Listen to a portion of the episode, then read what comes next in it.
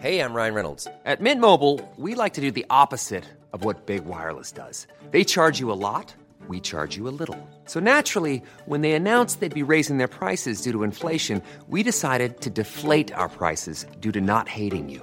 That's right. We're cutting the price of Mint Unlimited from $30 a month to just $15 a month. Give it a try at mintmobile.com slash switch. $45 upfront for three months plus taxes and fees. Promo rate for new customers for limited time. Unlimited more than 40 gigabytes per month. Slows. Full terms at mintmobile.com. بعد إعلان الرئيس الأمريكي دونالد ترامب لبنود ما يسمى بصفقة القرن الثلاثاء الماضي. بنرجع بنستعرض معكم حلقة البرلمان اللي بثناها في الموسم الثاني. بودكاست البرلمان بيرجع في موسم جديد في شهر شباط. حنحكي في الحلقة الأولى عن آخر تطورات وسيناريوهات إعلان بنود صفقة القرن. حتى ذلك الوقت بنترككم مع هاي الحلقة. صفقة القرن أو على الوطن البديل كيف؟ ما إلنا صوت؟ بالنهاية نحن جيش العربي المصطفوي. تاريخنا بالقدس وبفلسطين. فجأة راح نفيق صباحا وصار وطن بديل. إلنا صوت إلنا موقف. وهدول نفس الجماعة اللي بيحبوا باستمرار يحطوا كاز على النار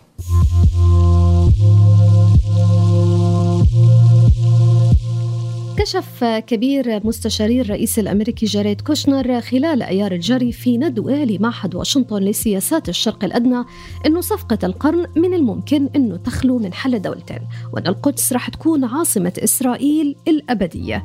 صفقة القرن مقترح وضعه الرئيس الأمريكي دونالد ترامب لإنهاء ما يسمى بالصراع الإسرائيلي الفلسطيني تفاصيل هالصفقة لم تكشف حتى هاي اللحظة كما أن الأردن أعلن في أكثر من لقاء وعلى لسان وزير الخارجية بأنه ما حدا بيعرف تفاصيل هالصفقة حلقتنا الرابعة من الموسم الثاني من برنامج البرلمان عن صفقة القرن واللي بتتزامن هالأسبوع مع ذكرى النكبة اللي بنعيش تبعاتها حتى هاللحظة وصولا لصفقة القرن. برنامج البرلمان عبر منصة صوت بهدف لإشراك المواطنين في السياسات البرلمانية.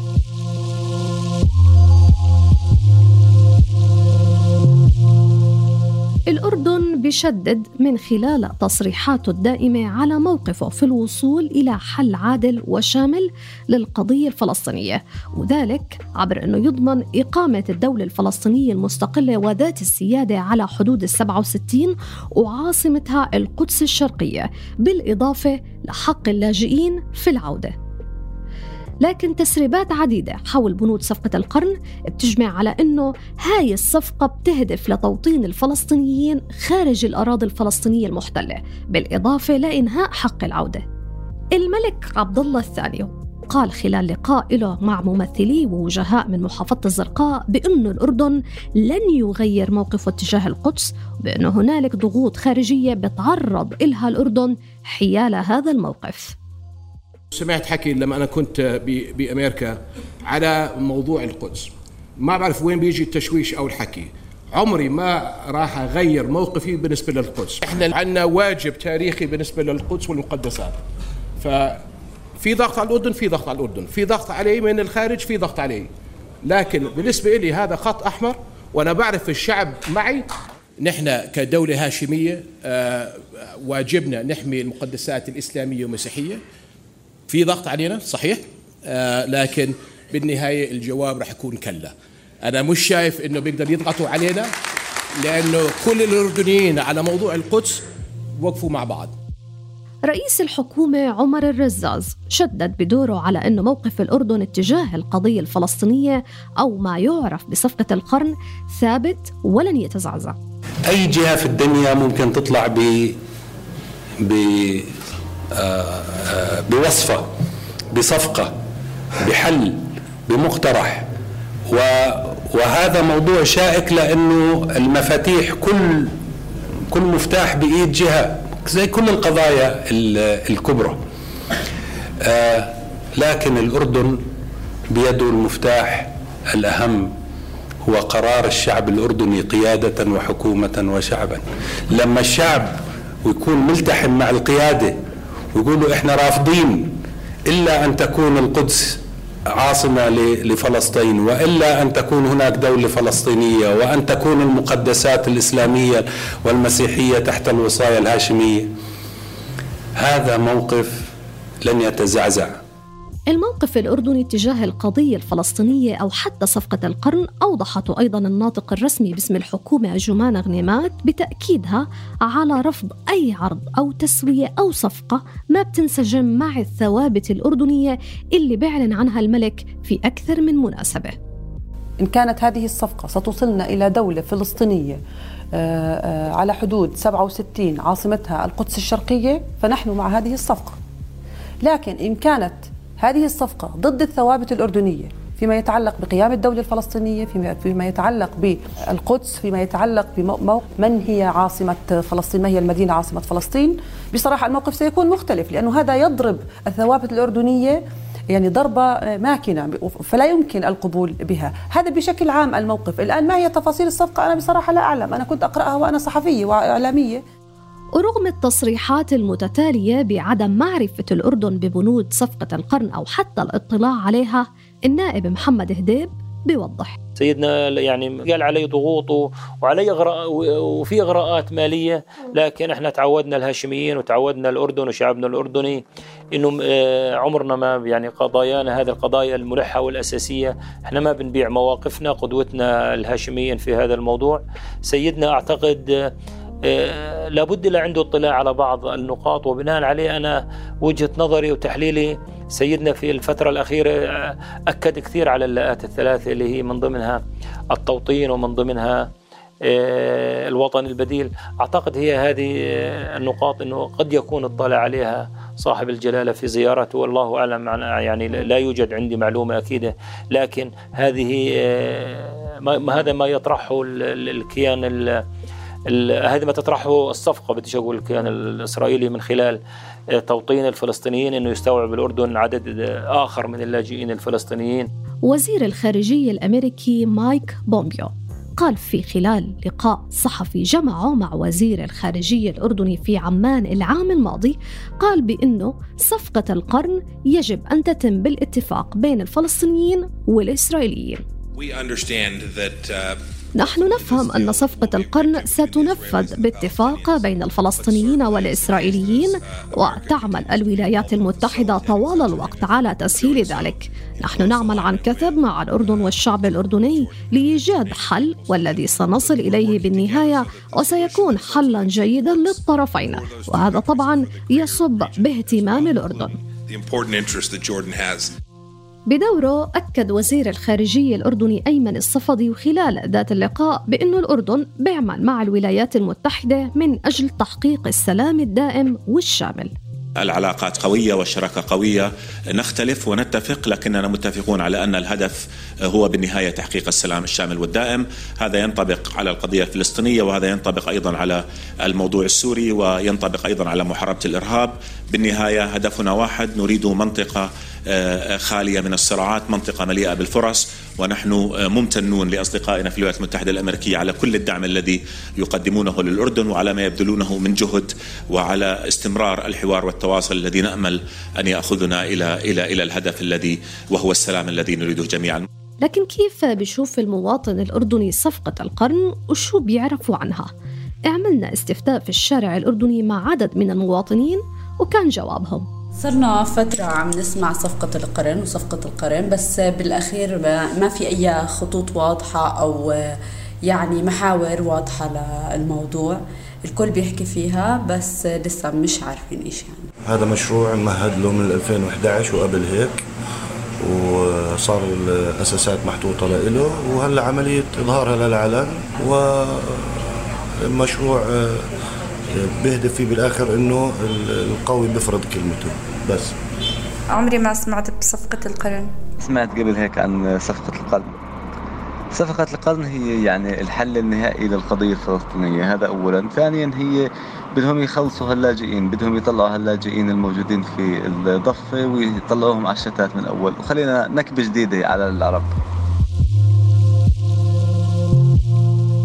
السؤال اللي بيطرح. إذا كان الأردن مرارا وتكرارا بيعلن عدم اطلاعه على بنود صفقة القرن واللي بينتظر الإعلان عنها بعد شهر رمضان وذلك وفق ما أعلنه كوشنر فهل من الممكن أن تنفذ الصفقة دون قبول الأردن؟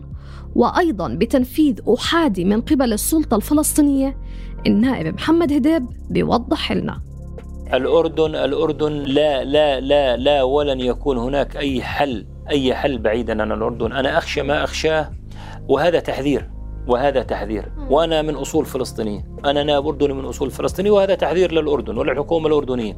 أخشى ما أخشاه أن تقوم السلطة الفلسطينية بعمل فردي بخصوص هذه الصفقة أو حل أو أي حل آخر بعيدا عن الأردن. وهذا شيء خطير وغير مستبعد وحصل قبل هالمرة. ممكن خلال ضغوطات اقتصادية خلال ضغوطات سياسية خلال تنافس داخلي السلطة حتى الآن لو كان آه، بدها بدها تكون أقوى في وجه الكيان الإسرائيلي في وجه هذه الصفقة.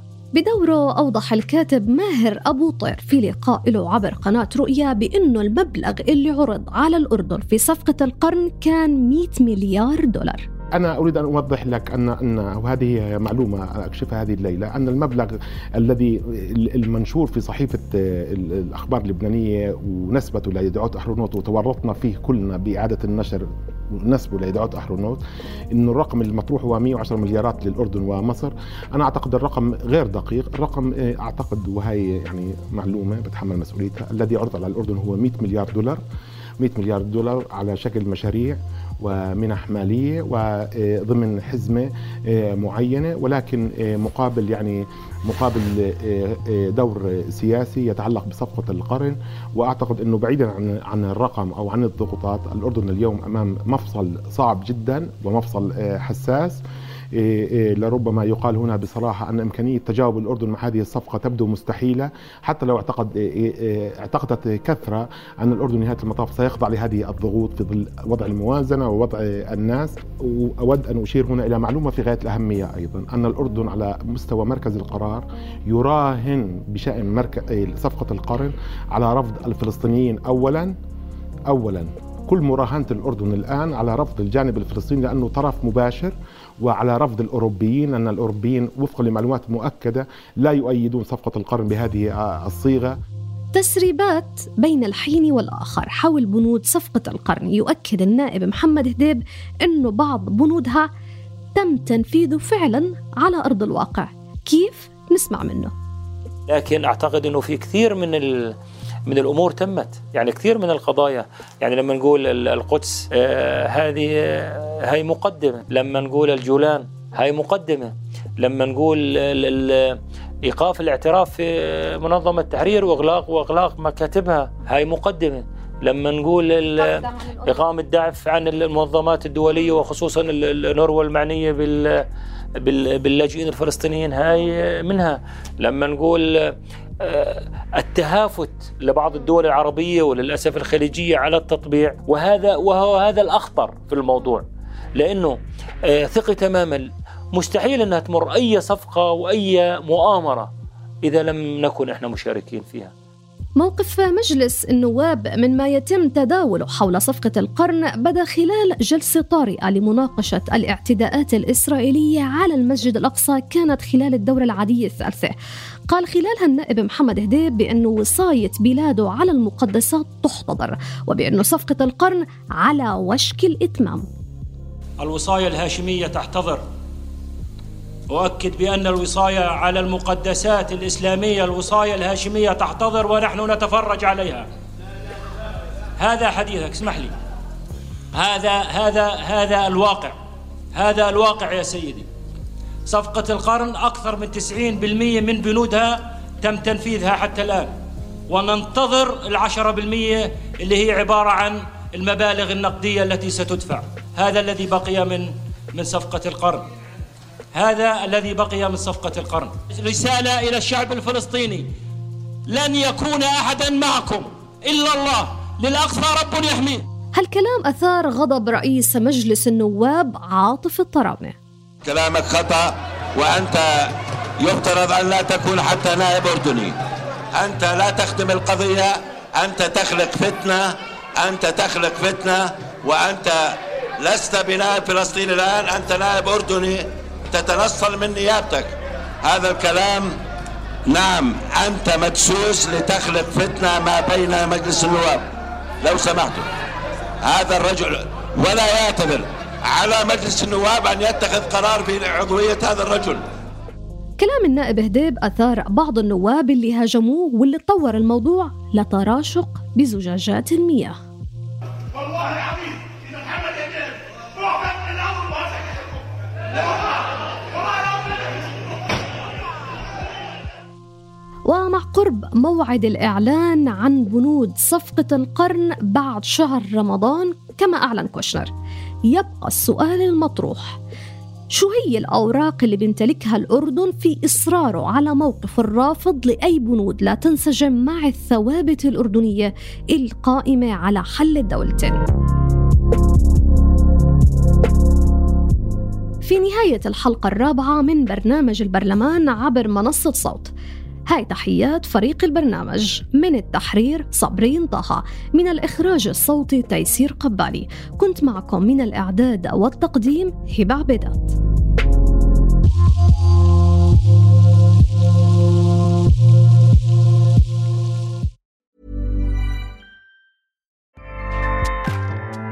ACAST powers the world's best podcasts. Here's a show that we recommend. The Real Housewives is a guilty pleasure for most, but if you're looking to not feel guilty about that pleasure, tune in to Everything Iconic with me, Danny Pellegrino, where I break down all the messy moments and behind the scenes antics of Bravo's popular franchise. And on Everything Iconic, I also interview celebrity guests like Kelly Ripa, Kiki Palmer, Drew Barrymore, Cameron Diaz, and more about their guilty pleasures, their past work, and so much more. So if you're pop culture obsessed and find yourself watching way too much reality TV like me, tune in to Everything Iconic with Danny Pellegrino wherever you listen to podcasts. ACAST helps creators launch, grow, and monetize their podcasts everywhere. ACAST.com.